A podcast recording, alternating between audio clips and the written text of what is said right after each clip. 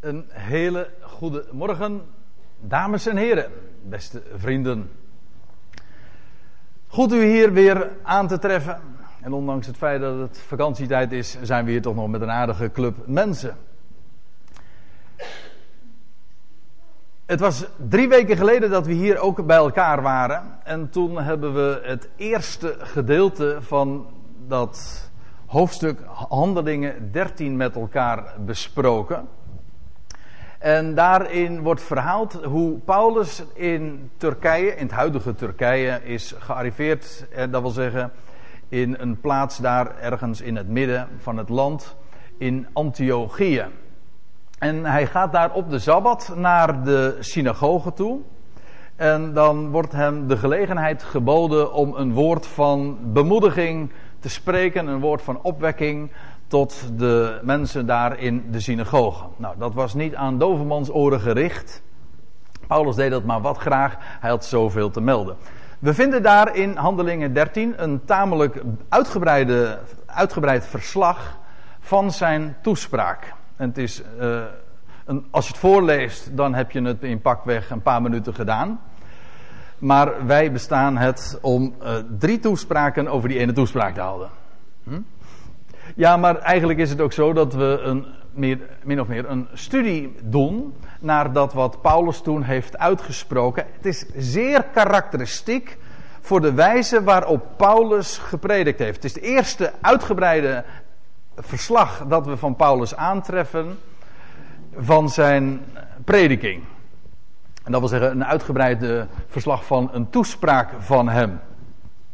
Juist daar in de synagoge, want Paulus had daar in de synagoge, in een heidense omgeving, een bijzondere boodschap te melden. Dat wil zeggen, hij moest hen ook confronteren in de eerste plaats met de boodschap aangaande de Messias. Daar waren ze, zij onbekend mee.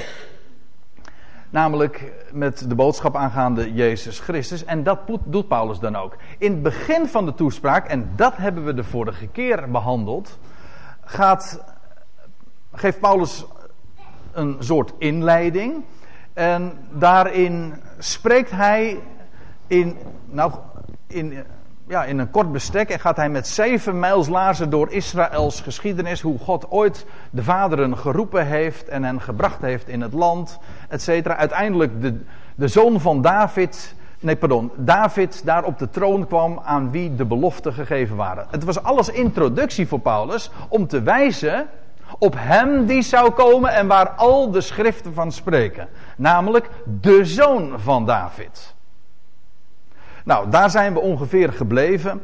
En dan haken we nu weer aan in vers 26. Dat hebben we de vorige keer, geloof ik, nog even wel getoond. En ik heb daar nog een paar woorden over gezegd. Maar daar ga, pak ik hier dus weer de draad bij op.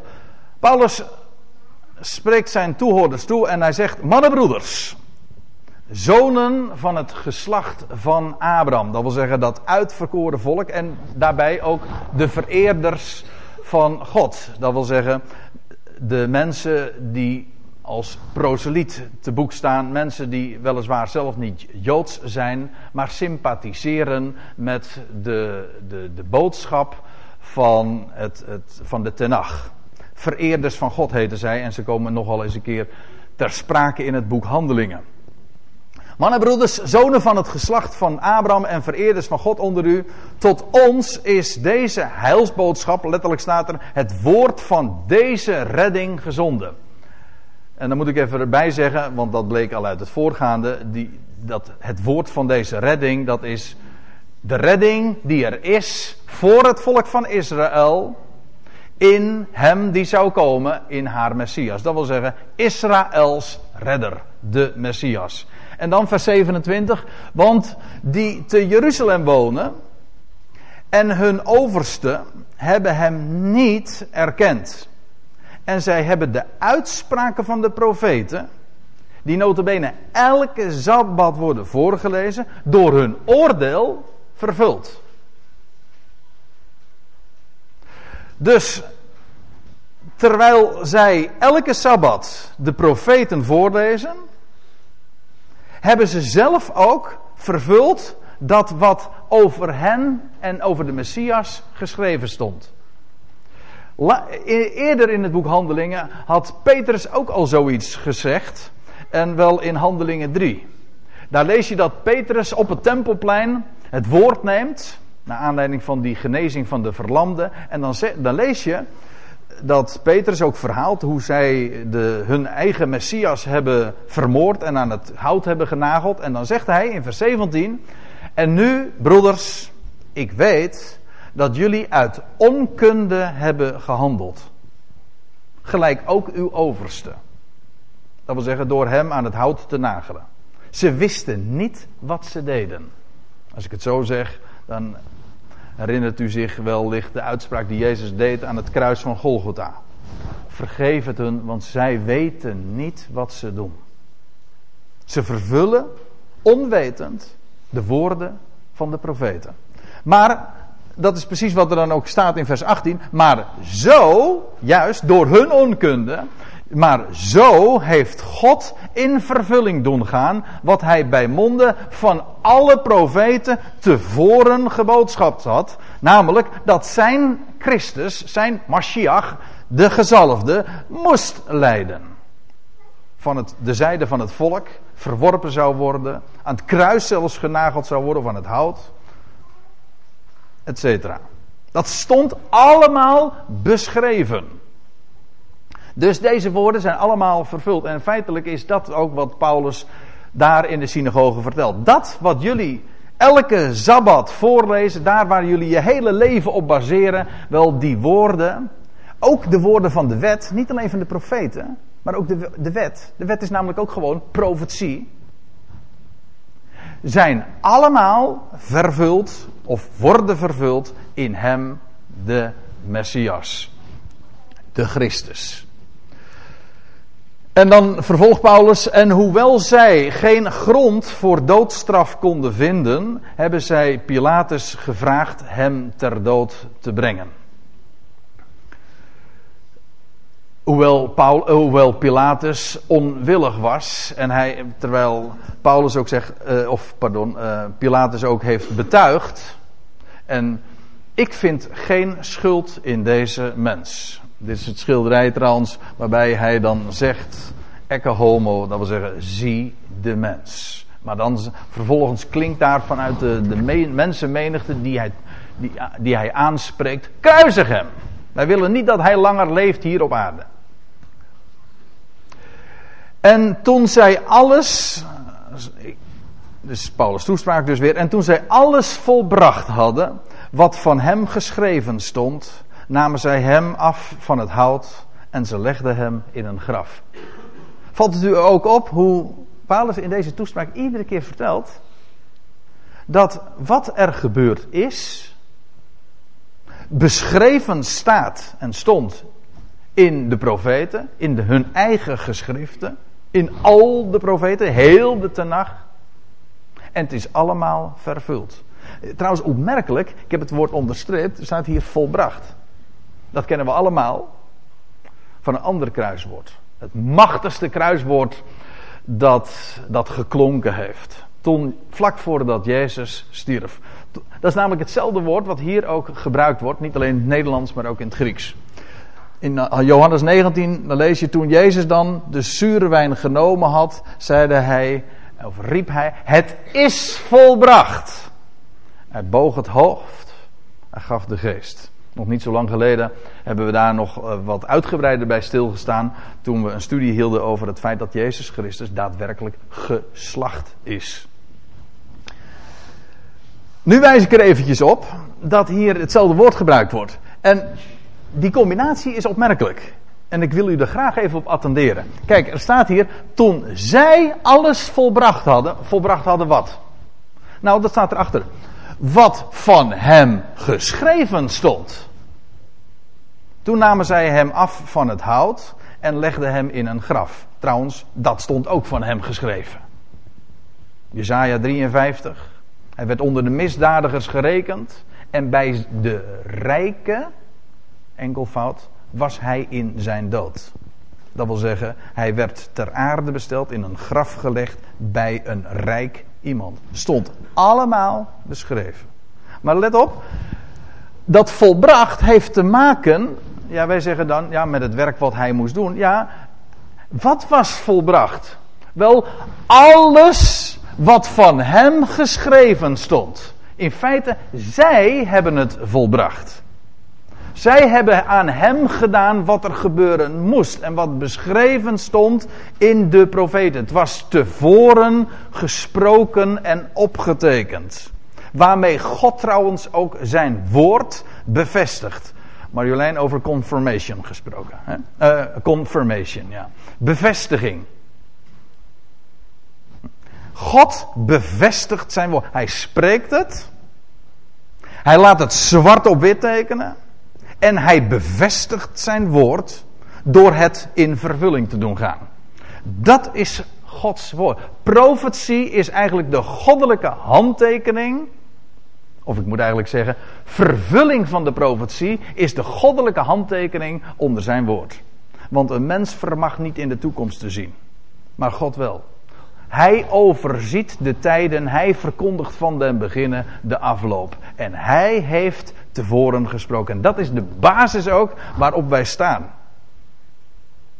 Wij hebben een hoop, dat wil zeggen een zekere verwachting. Wij, wij baseren ons leven op het woord van Hem die doet wat Hij gesproken heeft en vervult wat Hij aankondigt.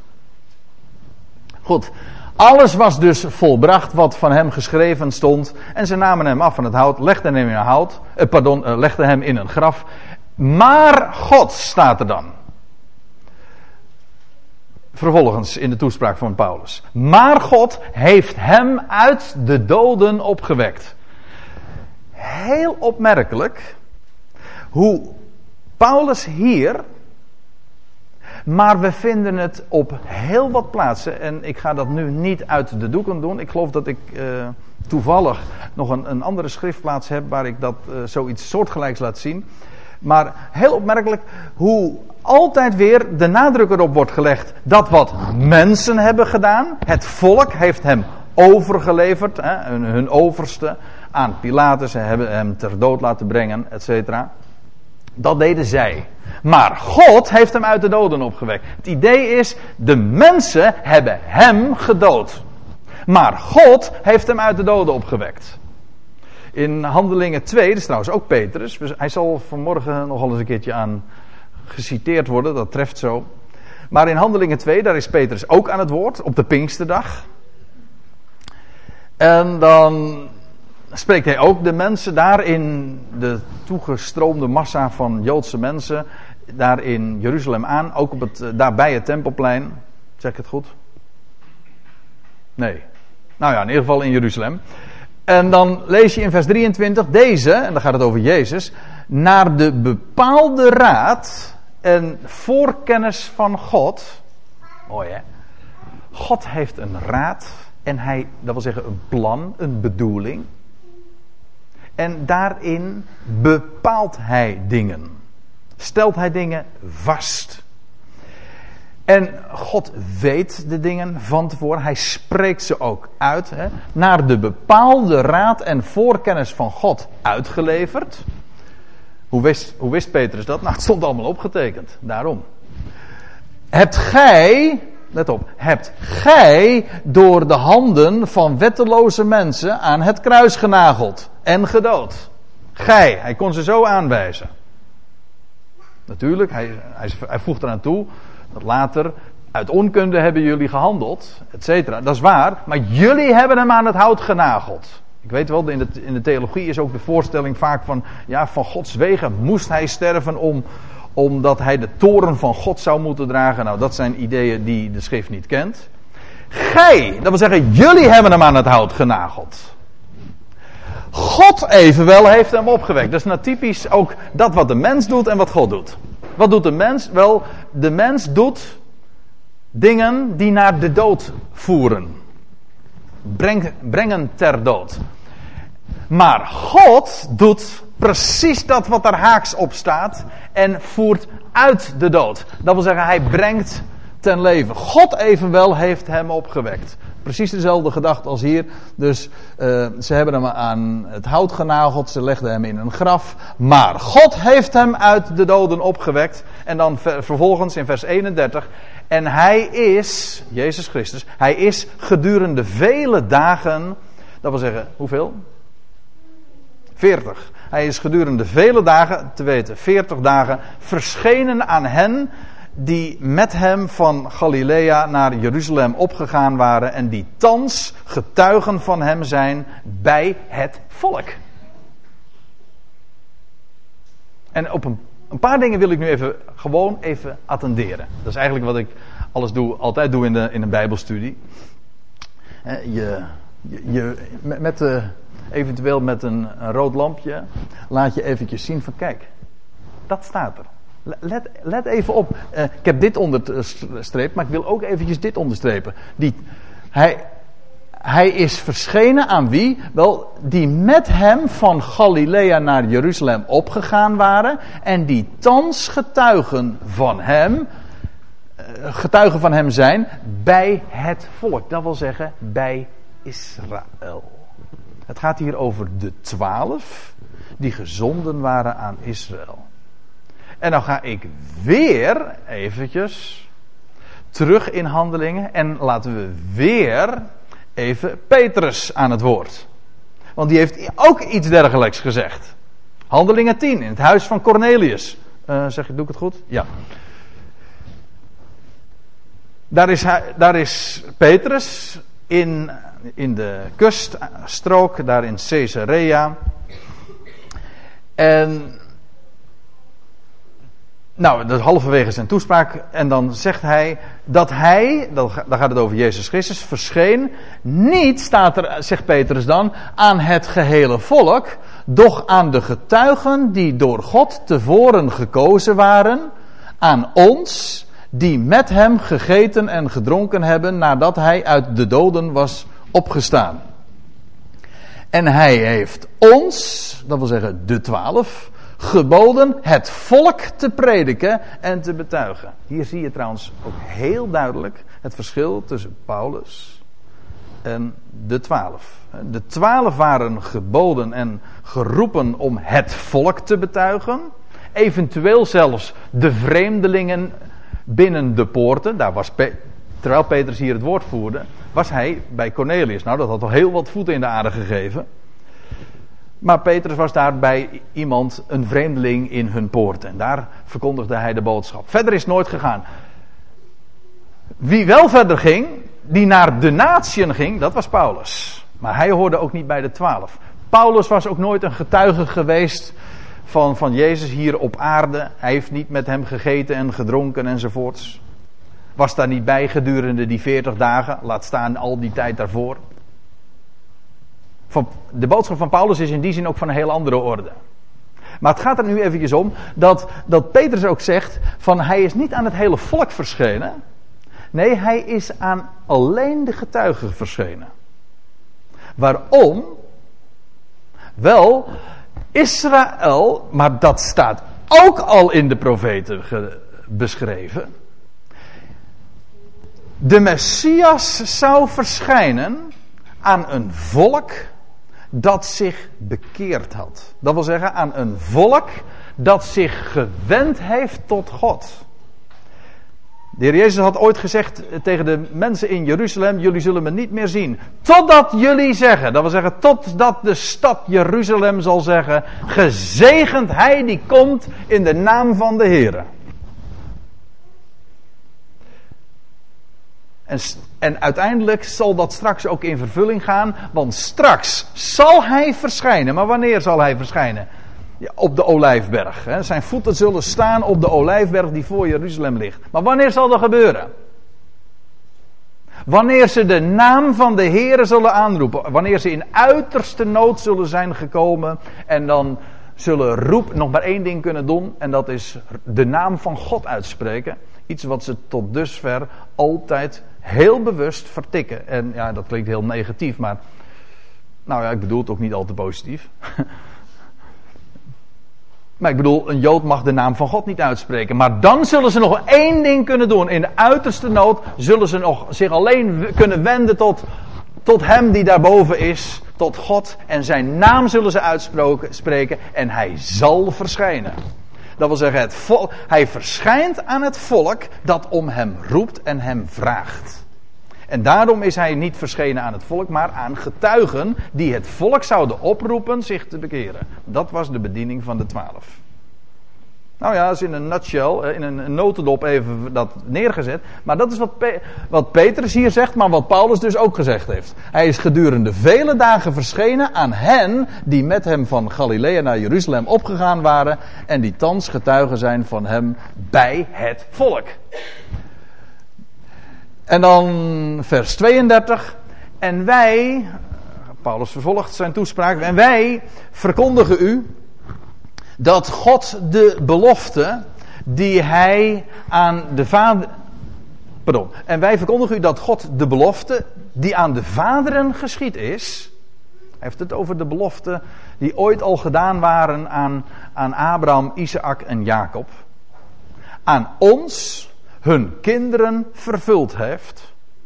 Hoe? Wel door Jezus op te wekken, dat wil zeggen op te doen, letterlijk staat er op te doen staan. Ook hier weer. Wat is de boodschap van Paulus? Wel, wat hij verkondigt is: God, Gods belofte is. is een, is een kerstlied, hè? Dat is een mooi woord.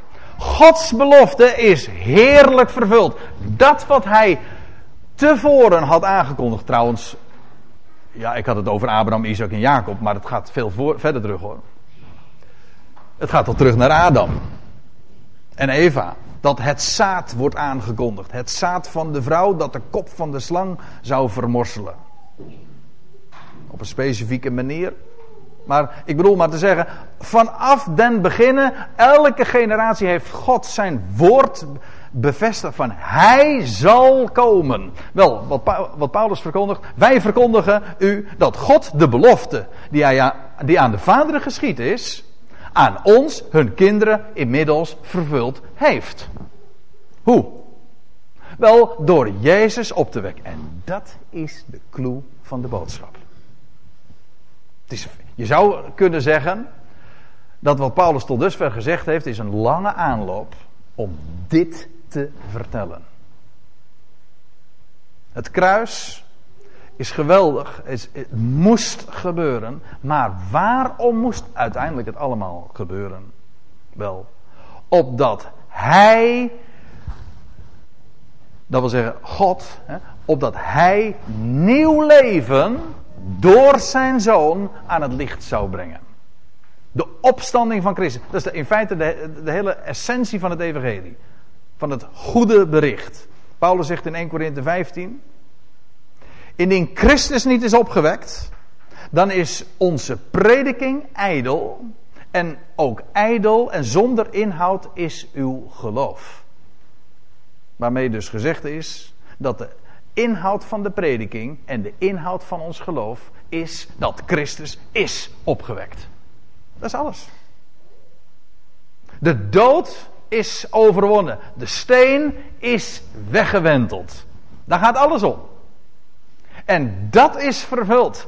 In dat is ook de kiem van, van al het wat, alles wat nog gaat volgen. Van hoe, Gods, hoe God vervolgens in de toekomst ook de dood teniet gaat doen en, en leven voor heel de schepping bereid heeft. Hij die toen opstond is de garantie. De kiem waarin alles vervat ligt. Wij verkondigen u dat, dat dat inmiddels vervuld is door Jezus op te wekken. Dat wil zeggen, God heeft Jezus doen opstaan. Gelijk in de tweede psalm geschreven staat, vervolgt Paulus. Ja, daar wordt al gesproken over de opstanding van de Zoon van God. Waar, lees het maar na, Psalm 2, als ik me niet vergis, vers 7. Mijn zoon zijt gij. En dan wordt, kijk het maar na in, in, dat, in die bewuste psalm, daar, dat is een messiaanse profetie. Over hem die straks te, te Sion zal regeren en de volkeren zal onderwerpen vanuit Israël, etc. Maar dan wordt de Messias genoemd Gods zoon. En waarom is hij zoon van God? Nou, het antwoord is heel simpel.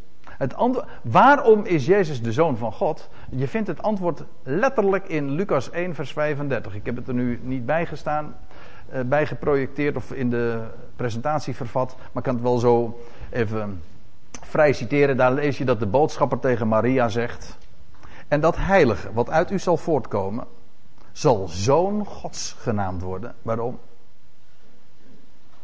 Wel, omdat het zoon van God is.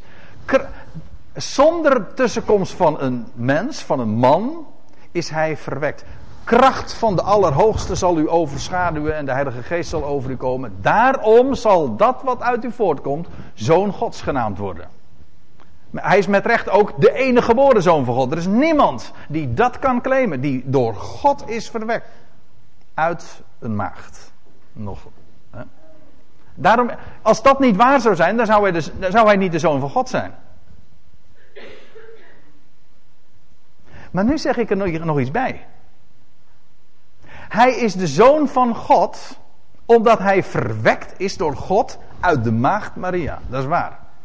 Maar hij was de zoon al, maar hij zou nog een keer verwekt worden. Namelijk opgewekt worden. Verwekken in de zin dus van opwekken. En daar gaat Psalm 2 over. Eh, als hier staat, gelijk in de tweede psalm. Wacht even, ik moet even de hele zin nemen. Hè?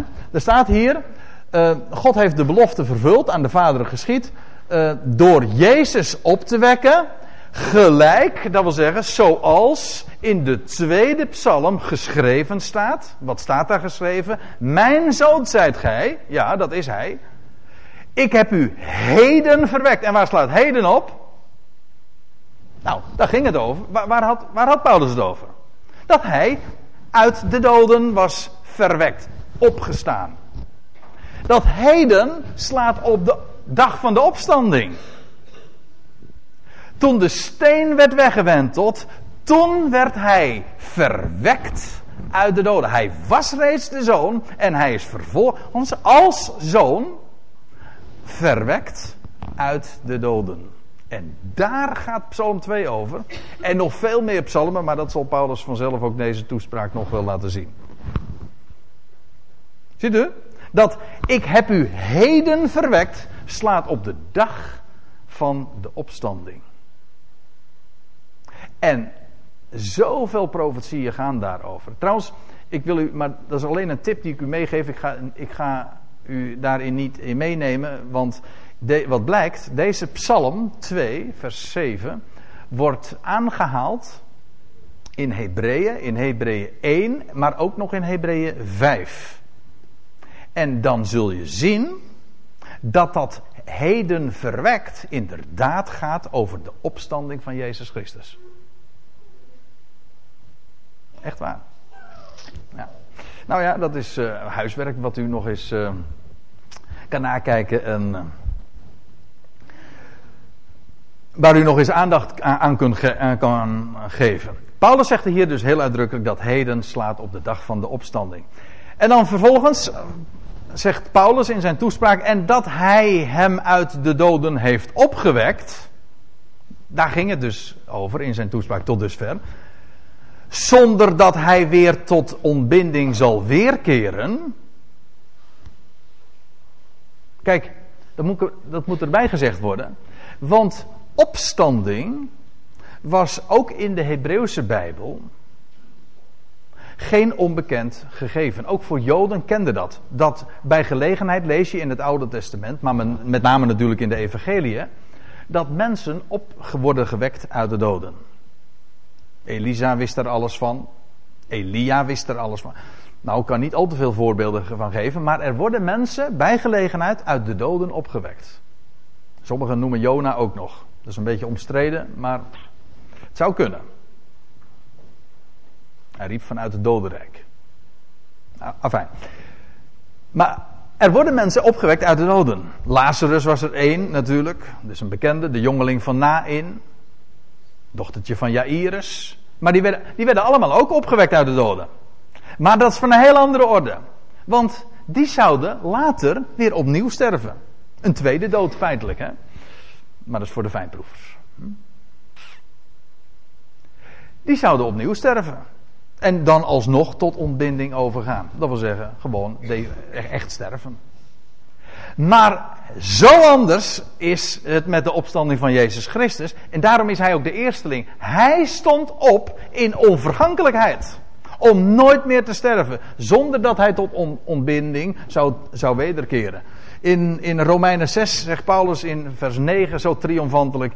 Daar wij weten dat Christus, de gezalfde, Mashiach, nu hij uit de doden is opgewekt, niet meer sterft. De dood voert geen heerschappij meer over hem. Kijk, en dat konden de jongeling van Nain en de dochtertje van Jairus en Lazarus en noem ze maar op, allemaal niet zeggen. Zij zouden weer sterven. De dood voerde. In wezen werden zij dus weer teruggeroepen in een sterfelijk leven. In een sterfelijk leven. Of je daarmee te feliciteren bent, weet ik niet, maar dat is een andere vraag. Hm? Dat is eigenlijk weer terug naar af. Nou ja, daar zullen de, de achterblijvers anders over geoordeeld hebben, nietwaar? Maar daar gaat het nu allemaal even niet om. Zij, keerden, zij, die mensen, keerden terug naar het sterfelijk leven. En zouden opnieuw moeten sterven. Hij stierf, uh, dat wil zeggen, hij stond op uit de doden. Hij sterft niet meer. Dat wil zeggen, hij stond op in onvergankelijkheid. De dood voert geen heerschappij meer over hem. En daarom is hij ook de eersteling uit de doden. Van een totaal andere orde. Vandaar ook de eersteling van een geheel nieuwe schepping. En uh, ja, want de zin loopt verder. En dat hij hem uit de doden heeft opgewekt zonder dat hij weer tot ontbinding zal weerkeren. Heeft hij al dus gezegd: Ik zal u het heilige van David geven dat betrouwbaar is. Wat Paulus in deze toespraak doet, is niets anders dan het ene schriftwoord, dat wil zeggen het ene citaat vanuit de Tenach, rijgen aan het andere. Wat hij doet is niks anders dan het, het, het citeren van de schrift. Het staat geschreven, dat was zijn toespraak. Alles was terug te voeren gewoon op dat wat de schrift zegt. Daarom is deze toespraak ook zo, zo enorm waardevol. Want wat Paulus doet, hij opent de schriften. Daar in die synagoge. En ik ben ervan overtuigd dat als je het woord van God doorgeeft, wat je doet en zou doen, is gewoon de schriften openen. Ik weet wel een heleboel mensen die, die, die denken in termen van spektakel of van mensen trekken. Maar dat is, dat, is mens, dat is menselijk gedacht. Het gaat maar om één ding. Eén ding, moet ik zo doen. Het gaat om één ding. En dat is dat de schriften opengaan. God zijn woord kan tonen. En dat daarop gewezen wordt. En dat woord van God heeft kracht. Wijst op hem die daar gezeten is. Wijst op wie God is. Zijn woord. En dat maakt, dat maakt blij. Daarom, dat zouden we doen. Elkaar wijzen op de schriften. Paulus deed het. Hij zegt, hij, hij, uh, ik zal u het heilige van David geven dat betrouwbaar is. Weet u, dat is een citaat uit Jesaja 55 weer. En nog een andere schriftplaats, mogelijk, die Paulus gecombineerd heeft. Maar goed, om het niet nog uh, niet al te ingewikkeld te maken. In Jesaja 55 lees je dat de profeet zegt: Neigt uw oor, kom tot mij, hoort opdat uw ziel leven. Ik zal, ja, hoe, zou, hoe, hoe, hoe zal je tot leven komen? Hoe zal je ziel, je psyche, hè, zeggen ze in het Grieks, weer levend worden? Dan zeggen ja, dan moet je naar de psycholoog of een psychiater. Nou, ik heb wel een beter hoor. En dan moet je gewoon luisteren naar, moet je je oor neigen naar het woord van God. Ik zeg overigens niks negatiefs, dat bedoel ik niet. Ik zeg alleen, als je wat de ziel doet leven, dat is het woord van God. Neig je oor, hoort opdat uw ziel leven. En dan wordt er gezegd tegen Israël: ik zal, u met een eeuw, ik zal met u een eeuwig verbond sluiten. Het gaat hier over het nieuwe verbond. Dat straks in de toekomst met Israël gesloten gaat worden. U weet wel, al die beloften die de kerk van oudsher, de kerk weet je wel, Marjolein. Um, ja, en ook nog allerlei kerken. geannexeerd hebben. Zeggen van, dat zijn wij, wij zijn Israël. Met ons is dat nieuwe verbond gesloten. Kunnen ze wel vergeten, doei, dat is niet waar. Als God zegt, ik sluit dat verbond met jullie, met Israël, dan gaat dat ook vervuld worden. Hoe dan ook. Uh, neigt uw oor, ik zal u geven de betrouwbare genadebewijzen van David. En wat was aan David beloofd? Wel, de troon die daar in Jeruzalem stond, de troon was aan hem beloofd. En dat één uit zijn zaad op de troon zou zitten voor altijd. Dat was dus, zou dus geen sterveling zijn. Dat kan niet, want een sterveling die blijft niet op een troon zitten.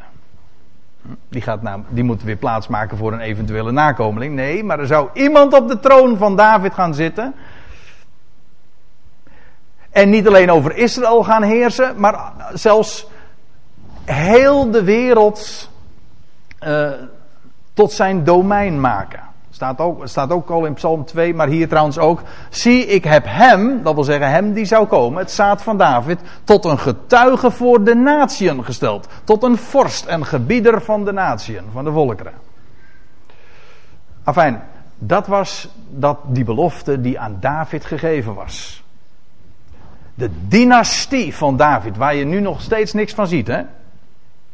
Maar de zoon van David is er en hij zal T-Z-T met een Z met een hoofdletter daar zijn plaats innemen op de troon van David in Jeruzalem en van daaruit zal hij over Israël en over heel de volkerenwereld gaan heersen. Als hij straks zal verschijnen. Afijn, dat is hij, dat is de zoon van David. En dan vers 35. En daarom zegt hij ook in een andere psalm. Ja, Paulus gaat gewoon van de ene psalm en de andere ene schriftgedeelte naar de andere. Daarom zegt hij ook in een andere psalm. En ik kan u verklappen dat dat is psalm 16. Gij zult uw heilige geen ontbinding doen zien. Ja. Kijk maar na, in psalm 16, daar lees je het. Dat, dat is een profetie. David zegt dat. Dat is een psalm van David. Gij geeft mijn ziel niet prijs aan het dodenrijk. Nog laat gij uw gunstgenoot verderf zien. In de, in de NBG staat dit absoluut fout. Er staat, gij laat uw gunstgenoot de, groeven niet zien. Nou, dat, er staat niet, dat, dat is namelijk niet waar. Er staat het verderf. Want hij heeft wel het, de heer Jezus heeft wel het graf gezien, alleen geen verderf. De vertalers hebben er echt helemaal geen hout van begrepen.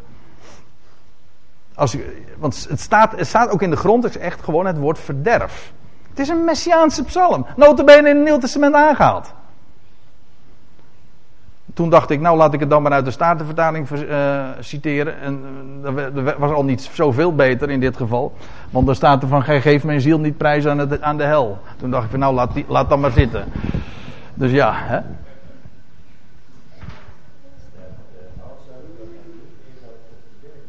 Ja, en daarvoor, hier. En daarvoor, en daarvoor de zin.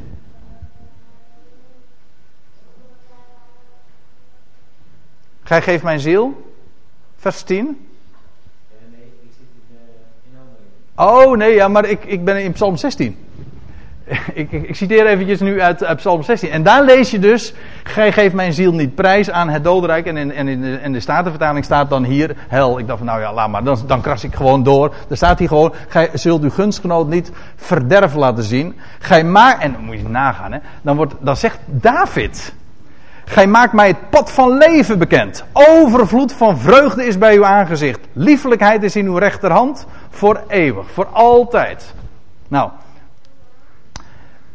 dat, gaat, dat is zijn woorden van David. Maar dat zijn geen woorden die gaan over David. Het zijn woorden die gaan over hem die na hem zou komen. Die beloofde zoon. Ik kan het echt ook aantonen, maar dat zal ik straks doen. We gaan eerst nog even verder lezen. Trouwens, Paulus gaat het zelf doen. Paulus zegt.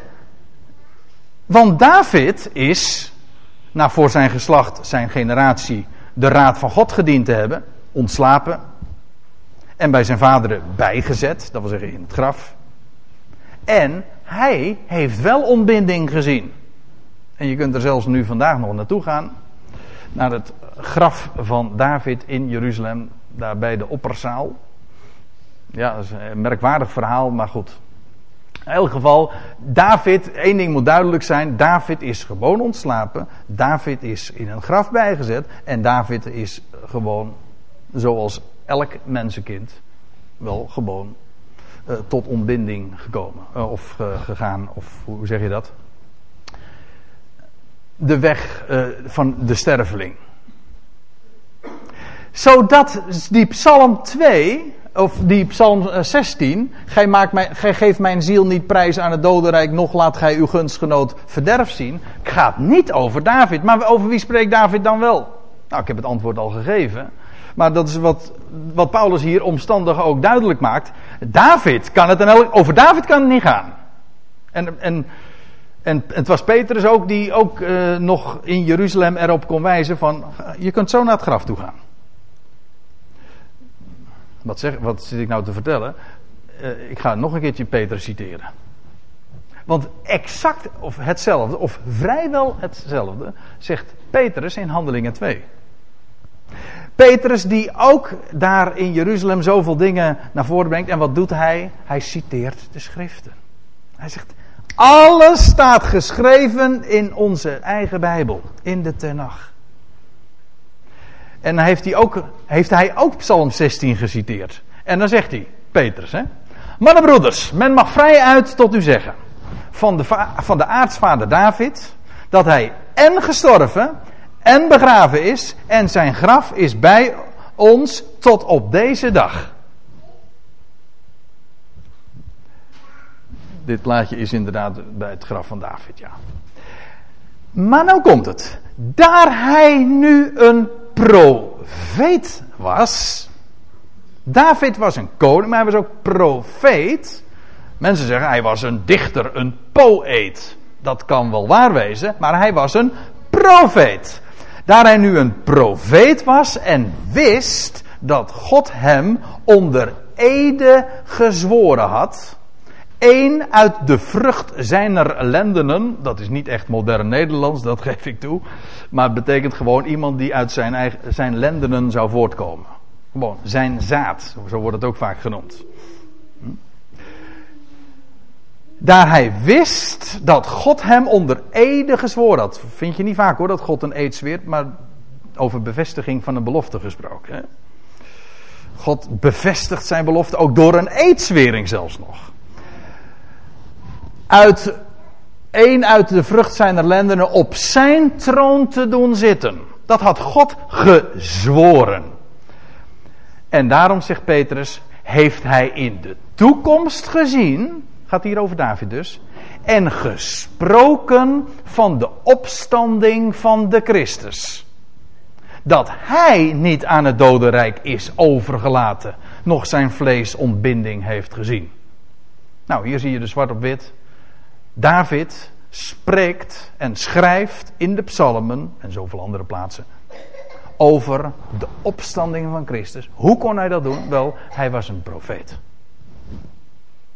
Zo duidelijk, zo luid kon dit door Petrus en Paulus verteld en verkondigd worden. Maar, zegt Paulus dan, en vervolgt hij in zijn toespraak, maar hij, Jezus Christus, die God heeft opgewekt, die heeft geen ontbinding gezien. Nee. Zo zij u dan bekend, mannen, broeders, dat door hem u vergeving van zonde verkondigd wordt. Ja, ik wil er even wat vertellen. Want dat begrip vergeving van zonde is mager. Dat wil zeggen een magere weergave. Vergeving, dat is het Griekse woord aphesis, maar dat is dit. Dat is loslating. Je leest in Lucas 4. Ja, Lucas 4, als Jezus in de synagoge van Nazareth is, dan lees je dat, eh, dat aan gevangenen, en dan wordt het vertaald met loslating, dat aan gevangenen loslating verkondigd zal worden. Dat wil zeggen bevrijding. Vergeving, dat suggereert alleen maar van, nou ja, je, dat wat er gebeurd is, wordt je niet aangerekend. Het verleden hoef je, daarvoor word je niet gestraft.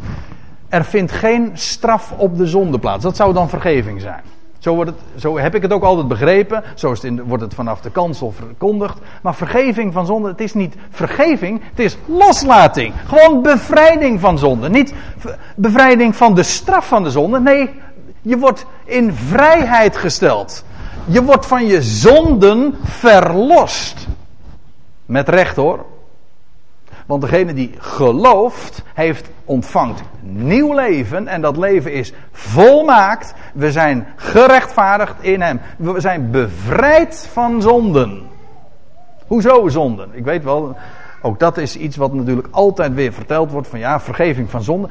Daar zit trouwens, terwijl ik het zeg, zit er nog iets achter. Men denkt dan van ja, de, de straf hè, eh, wordt niet voltrokken. Het verleden wordt je niet aangerekend. Maar we zitten nu nog steeds met onze zonde. Hè? Want, want men gelooft niet dat, je, dat, je, dat er bevrijding van zonde plaatsvindt. Hè? Want dat, is, dat gebeurt pas bij je laatste snik, als je je laatste adem uitblaast. Hè? Dan pas ben je bevrijd van je zonde. Nee! Nieuw leven betekent, wij zijn nu, als, ja, ik, ik, ik, wil het eventueel nog wel toegeven, inderdaad, het vindt plaats wanneer je sterft. Ja, maar wij zijn gestorven. In Christus hebben we een nieuw leven ontvangen. We hebben een nieuw leven dat volmaakt is, gerechtvaardigd. Zo ziet God ons. En hoezo? Men zegt dan, ja, maar we moeten toch strijden tegen de zonde. Dat is het tegengestelde van dit. Als je bevrijd bent van je zonde, hoef je juist niet meer te vechten. Dan laat je God het werk doen. En dan zeg je, Heer, hier, hier, ben ik. En doet u uw werk in en door mij. Eens kijken wat er dan gebeurt. Nou, heel wat meer dan met uw eigen getop. Dat heeft namelijk altijd een averechts effect. Hè? Nee, bevrijding van zonde. Dus ik hou niet van die vergeving. Het is wel waar hoor, dat het verleden wordt niet aangerekend. Maar het is veel te mager. Het is niet alleen het verleden. Het is nu. We hebben een nieuw leven. Dat vrij is van zonde. Zo zij u dan bekend. Dat is wat Paulus daar ook vertelt. Mannenbroeders, dat door hem uw bevrijding, loslating van zonde wordt verkondigd. Ook van alles waarvan gij niet gerechtvaardigd kon worden door de wet van Mozes. Want u weet toch, hè? Door werken der wet wordt geen vlees voor God gerechtvaardigd. Galaten 2 vers 16. Maar ik zou het, het rij uh, uh, nog heel wat langer kunnen maken. En dan beginnen we al in, in het Oude Testament. Niemand, zegt Job, en in Psalmen staat het ook, die voor u leeft is rechtvaardig. Het vlees. Nee. En door je eigen toedoen, en door heel vroom te wezen, en door zondags naar de kerk te gaan, of van, uh, gedoopt te worden, al die dingen. Nou ja, dat, dat zal Paulus daar niet verdeeld hebben. Die zal gesproken hebben over al die werken van de wet. En offers brengen en al die dingen waar een Jood mee vertrouwd is. Al die dingen, die moeten. Want ja, om voor God welgevallig te zijn. Daar zijn we van bevrijd. Ook van alles waarvan gij niet gerechtvaardigd kon worden door de wet van Mozes. En door welke wet dan ook. En door welke bezigheid van de mens. Wordt ieder die gelooft gerechtvaardigd. En dan staat er niet letterlijk door, maar in hem. En nou moet ik er nog iets bij zeggen. Dit is het laatste vers trouwens wat we nu vandaag uh, behandelen. Want we, er komt nog een deel 3 van deze uh, Bijbelstudie. Het slot van de toespraak van Paulus en nog wat er uh, daarna gebeurde. Want het is ook erg boeiend. Daar gaan we het de volgende keer over hebben. Maar even dit. Nou zegt men Oh, kijk, maar hier staat dat toch, hè?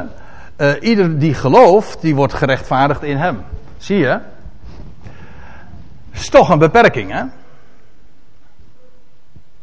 Rechtvaardiging is niet voor iedereen. Nee, rechtvaardiging is alleen maar voor wie gelooft. Dan moet je wel voor Jezus kiezen. En zo wordt het dan vervolgens. Hè, dat is dan het evangelie. Als je dan uh, voor Jezus kiest, ja, dan word je gerechtvaardigd. En is niet waar. Geloof in Hem is, dan moet je je de vraag stellen, wat is geloof in Hem? Wie is die Hem? die Hem, dat is Jezus Christus. En wie is die Jezus Christus? Dat is de redder. Zijn naam betekent de Heere is redder. En van wie is hij de redder? Nou ja, je, kan verschillende dingen. Van hij is van Israël. Hij is de redder der wereld. Er is namelijk redding om niet. Kijk, die rechtvaardiging vindt plaats door middel van geloof. Maar dat is alleen het kanaal waardoor de rechtvaardiging tot ons komt. Het is geen beperking. Dus eh, misschien moet je even over doordenken, maar doe even moeite met mij om, om dit goed te begrijpen. Want hier vindt namelijk een truc plaats. Er, wordt je, er worden je dingen verkocht, hè? Marjolein weet er alles van. Er worden je dingen verkocht, versleten, en dan zegt men, ja, van, het is heel goedkoop hoor. En, of ze zeggen zelfs, het is genade, het is, het is om niet. Maar onderwijl heeft men dan toch van geloof weer een werk gemaakt. Maar geloof is geen werk. Geloof is juist capituleren van er valt niks te doen. Ik erken, bij hem is redding alleen en hij redt allen. Verzin ik dat? Nee, dat staat. Hoeveel plaatsen wilt u hebben? Nou, ik wil diezelfde Paulus ook wel eens aan het woord laten in Romeinen 3. En dan, daar wil ik het dan echt maar bij laten, want ik zou Romeinen 4 en 5 nog kunnen noemen. Maar laten we eens even lezen. Romeinen 3. Want allen hebben gezondigd. Vers 23. Allen hebben gezondigd. Wie zijn die allen? Vroom zegt iedereen, het heel, elke christen, orthodox christen, allen hebben gezondigd. Ja, we zijn allemaal, we zijn allemaal Adamieten. Dat wil zeggen, nakomelingen van Adam, zondaren, stervelingen, allen hebben gezondigd. En derven de heerlijkheid Gods. Dat wil zeggen, derven betekent we missen, we komen tekort. Of het nou veel of weinig is, maakt niet uit, je komt tekort. Dat is net zoiets als, uh, maar dat grapje heb ik geloof wel eens gemaakt. Uh, bijna geslaagd. Ja, daar heb ik nog een mooi verhaal van, maar uh, bijna geslaagd. Ja, ben je gezakt dus, hè. Maar we komen tekort aan Gods heerlijkheid. En worden om niet gerechtvaardigd uit zijn genade door de verlossing in Christus Jezus. Wie, zijn, wie worden gerechtvaardigd? Nou, lees gewoon wat hier staat. Allen hebben gezondigd. Ze derven de heerlijkheid Gods en ze worden om niet gerechtvaardigd. Het gaat over gewoon over diezelfde allen nog, hè? Om niets. Dat wil zeggen, het is puur Gods werk. En Gods keuze. God denkt voor de hele wereld. De hele mensheid is zondaar, sterfeling. En God zegt: Ik ga de mensheid, wat zeg ik, de hele wereld redden. Om niets. Gratis. En je kan er niks voor doen. Je kunt het niet kopen. Je kunt het ook niet kwijt. Het is gewoon een garantie. Heel de mensheid wordt gerechtvaardigd. En als u dit nog niet sterk genoeg vindt, dan raad ik u aan even door te bladeren. Romeinen 5 vers 18, dan zegt Paulus het nog explicieter. Maar er worden heel veel trucs toegepast om al dat, dat om niet en genade allemaal door te krassen. Om er toch weer werk van te maken. Maar het is gewoon om niet en genade. Dat wil zeggen, God doet dat zonder meer. De rechtvaardiging van heel de mensheid is gegarandeerd. De vraag is, hoe wordt, hoe rechtvaardigt God een mens? Dat is door geloof. Maar dat is alleen de wijze waarop het tot ons komt. Maar dat is ook Gods werk. Dat je ogen dat mogen zien en dat je hart daarvoor open staat, dat is ook Gods werk. Dus ook wanneer je mag geloven, is dat alles zijn werk. En als Paulus hier zegt, uh, gerechtvaardigd, waarvan gij niet gerechtvaardigd kon worden door de wet van Mozes, wordt ieder die gelooft gerechtvaardigd in hem. Dat wil zeggen in hem die, die de redder is van deze wereld. Geloof in deze redder van de wereld. In deze boodschap om niet. Om niet, mensen. Erken het dat het niets van jezelf is en alles van hem. En dat rekent God tot gerechtigheid. Dat is nooit anders geweest. God rekent geloof tot gerechtigheid, weet u waarom? Omdat een mens dan slechts amen zegt op zijn belofte en dat het niet van een mens afhangt. En de vreselijke duivelse truc, ik, het zijn harde woorden, maar de duivelse truc is dat men via een achterdeur in staat is geweest om deze boodschap om niet alsnog een verkoopartikel te maken. En van geloof een werk heeft gemaakt. Nou, dan word je nog weer gered door werken, namelijk mijn keuze. Maar geloof is geen werk, geloof is de erkenning. Er valt niks te werken. Want hij belooft om niet en hij redt heel de wereld. En alle mensen. En daarom zijn wij blij. En dat mogen wij nu kennen. En in dat nieuwe leven mogen we wandelen. En ik stel voor dat we inderdaad. ik stel voor dat we daar een lied over gaan zingen.